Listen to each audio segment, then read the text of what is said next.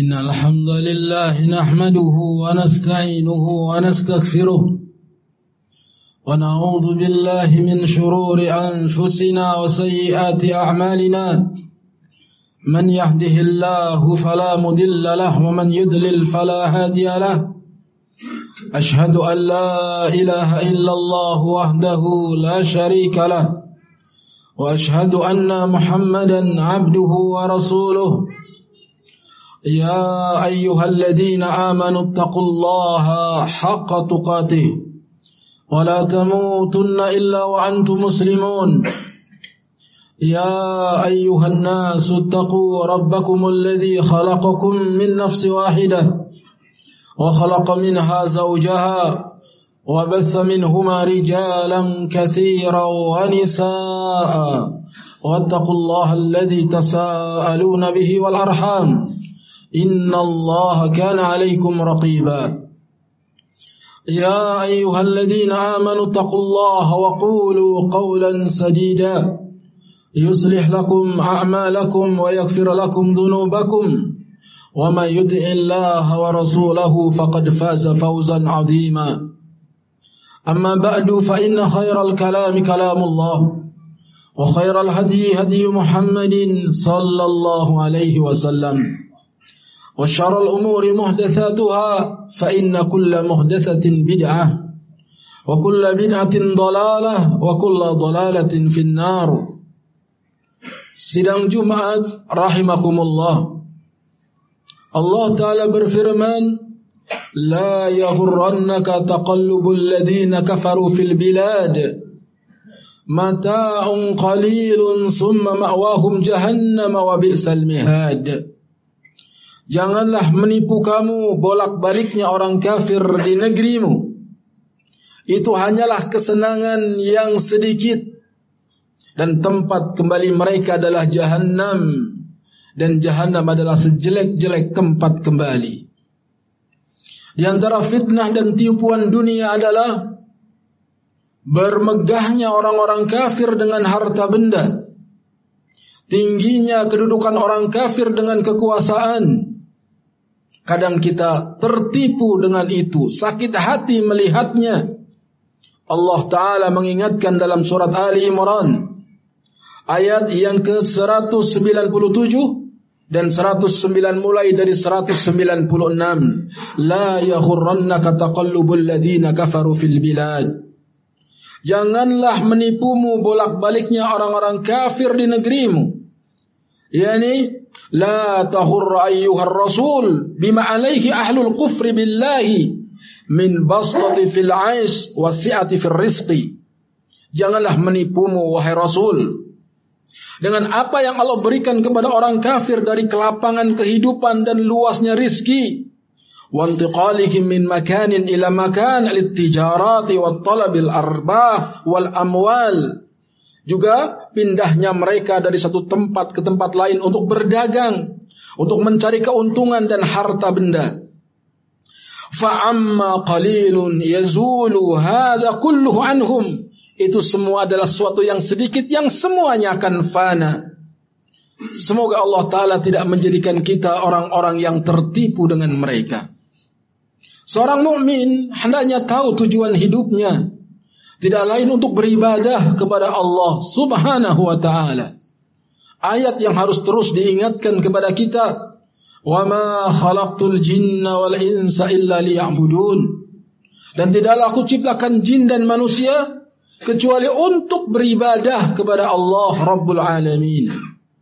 Maka ingatlah hidup ini untuk ibadah, bukan untuk bersaing dengan dunia, bukan untuk bersaing dalam harta, dalam kekuasaan, bermegah dengan rumah, bermewah dengan kendaraan.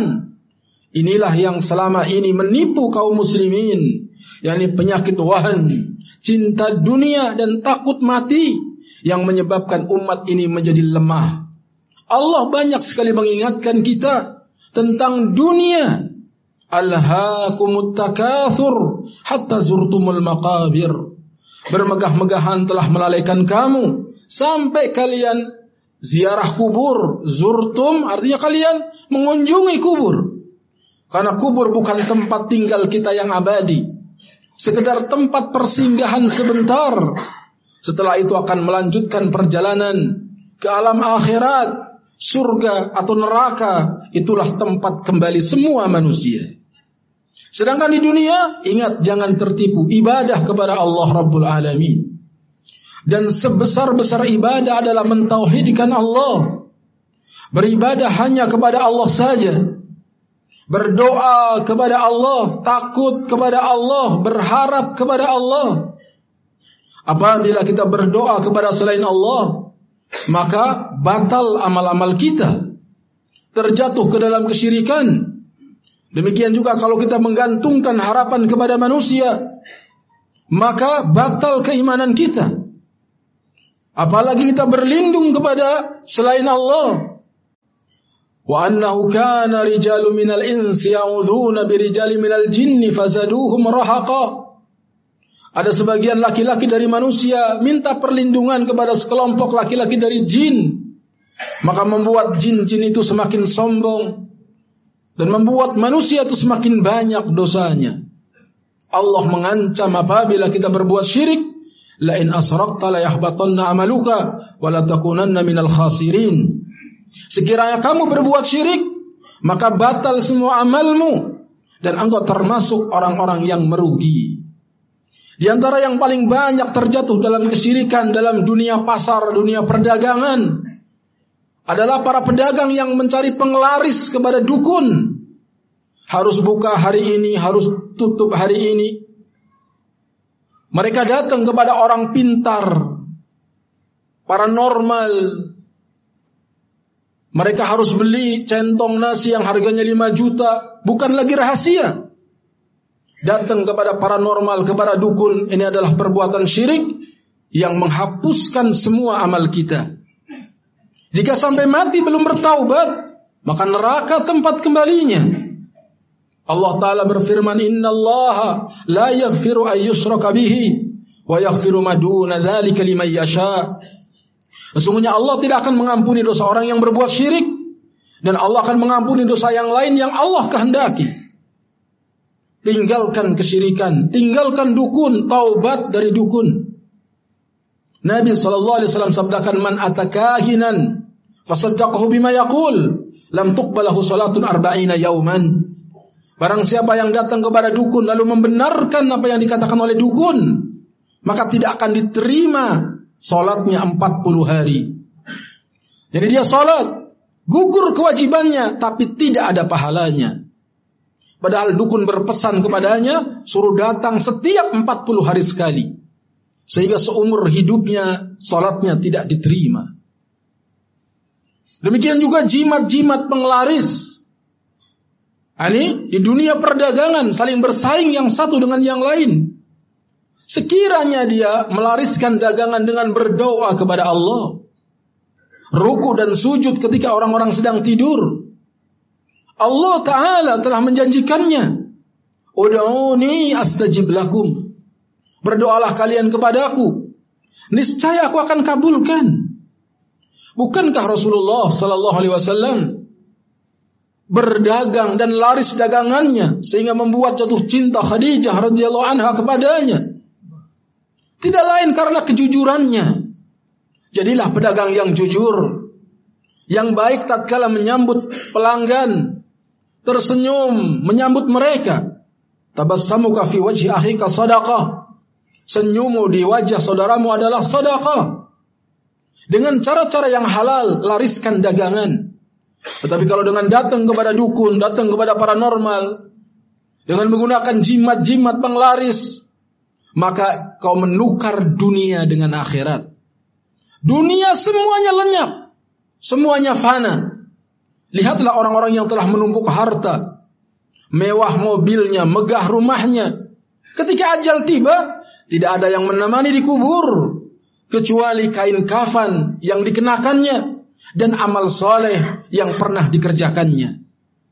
Adapun rumahnya, mobilnya, keluarganya, yang dia berangkat pagi pulang malam demi istri, demi anak, mereka hanya mengantar sampai di kuburan. Kemudian mereka pulang meninggalkan kita di kubur. Takutlah kita dengan hisab yang Allah Ta'ala akan tanyakan kita semenjak di alam kubur sampai di akhirat kelak. Aku lu qauli hadza wa astaghfirullah li wa lakum.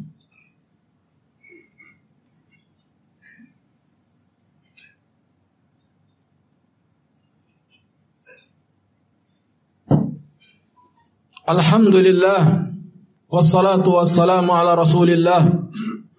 Ashhadu an la ilaha illallah wahdahu la syarika lah wa asyhadu anna Muhammadan abduhu wa rasuluh.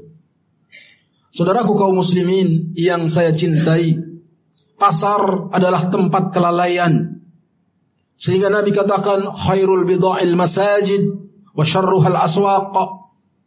Sejelek sebaik-baik tempat adalah masjid-masjid, sedangkan sejelek-jelek tempat adalah pasar-pasar. Di pasar ada orang berdusta. Di pasar ada orang yang mengurangi timbangan. Di pasar ada orang yang memasang merek palsu. Di pasar ada berbagai mana kejelekan. Maka Nabi katakan sejelek-jelek tempat adalah pasar. Maka waspadalah kita tinggal di pasar. Tiap hari ke pasar. Baca doa ketika masuk pasar. La ilaha illallah wahdahu la syarika lahul mulku wa lahul hamdu yuhyi wa yumitu. Wa huwa hayyun la yamutu. Biyadihil khair wa huwa ala kulli syai'in qadir. Setiap hari hendaknya kita baca. Sehingga Allah Ta'ala berikan pahala kepada kita tatkala masuk pasar. Dan hendaknya kita di pasar sesuai dengan keperluan. Selesai dagangan pulang. Jangan banyak duduk-duduk di pasar. Tempat beranak pinaknya syaitan di pasar. Banyak kejahatan. Tetapi bukan berarti haram datang ke pasar. Bukan berarti kaum muslimin tidak boleh berdagang. Jadilah pedagang yang jujur. Maka seakan pejuang di jalan Allah. Tidak mengapa cari dunia. Untung yang banyak, yang penting dengan cara tidak menipu. Dengan cara yang halal. Karena Nabi SAW sabdakan, Al-mu'minul qawiyyu khairun wa ahabbu ila Allah minal mu'minid dhaif. Mukmin yang kuat lebih baik dan lebih dicintai oleh Allah daripada mukmin yang lemah. Kuat yang pertama adalah kuat imannya. Kuat yang kedua adalah kuat fisiknya. Kuat yang ketiga adalah kuat ekonominya.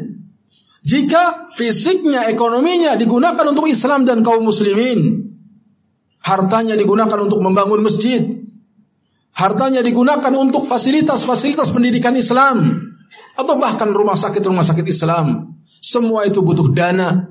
Maka tidak mengapa jadi orang kaya, tetapi seperti Utsman bin Affan. Jadilah orang kaya seperti Abu Bakar Siddiq, Bukan jadi orang kaya seperti Korun yang bermegah, bermewah dengan hartanya tetapi bakhil untuk membelanjakan di jalan Allah Ta'ala. Nabi katakan, La tazulu qadama abdi abdin yaumal qiyamah hatta yus'ala an arba'in. Tidak akan bergeser telapak kaki seorang hamba di hari kiamat sampai ditanya empat perkara. Di antaranya yang pertama, an umrihi fima afna. Tentang umurnya dihabiskan untuk apa? Wa an jismihi fima abla, tentang jisimnya, lelah dan capeknya untuk apa? Wa an ilmihi fima fa'ala fih, tentang ilmunya yang mana yang sudah diamalkan.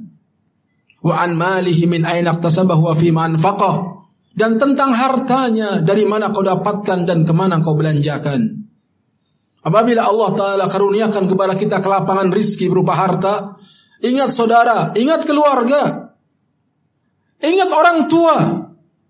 Apabila kita menjadi orang sukses, jadi orang berhasil, yang paling berhak merasakan kesuksesan kita adalah ibu bapak kita. Jangan hanya kita dermawan kepada istri, dermawan kepada anak. Akan tetapi orang tua tidak pernah diberikannya. Berapa puluh juta kau habiskan untuk istri dan anakmu. Lalu berapa yang telah kau berikan kepada ibu dan bapakmu. Jangan sampai kita menjadi anak yang durhaka.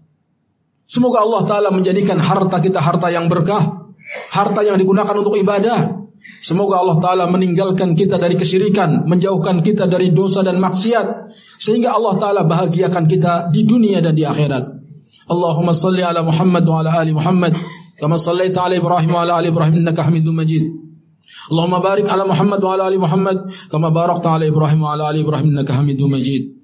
اللهم اغفر للمؤمنين والمؤمنات والمسلمين والمسلمات الأحياء منهم والأموات اللهم اقسم لنا من خشيتك ما تحول به بيننا وبين معاصيك ومن طاعتك ما تبلغنا به جنتك ومن اليقين ما تهون به علينا مصائب الدنيا.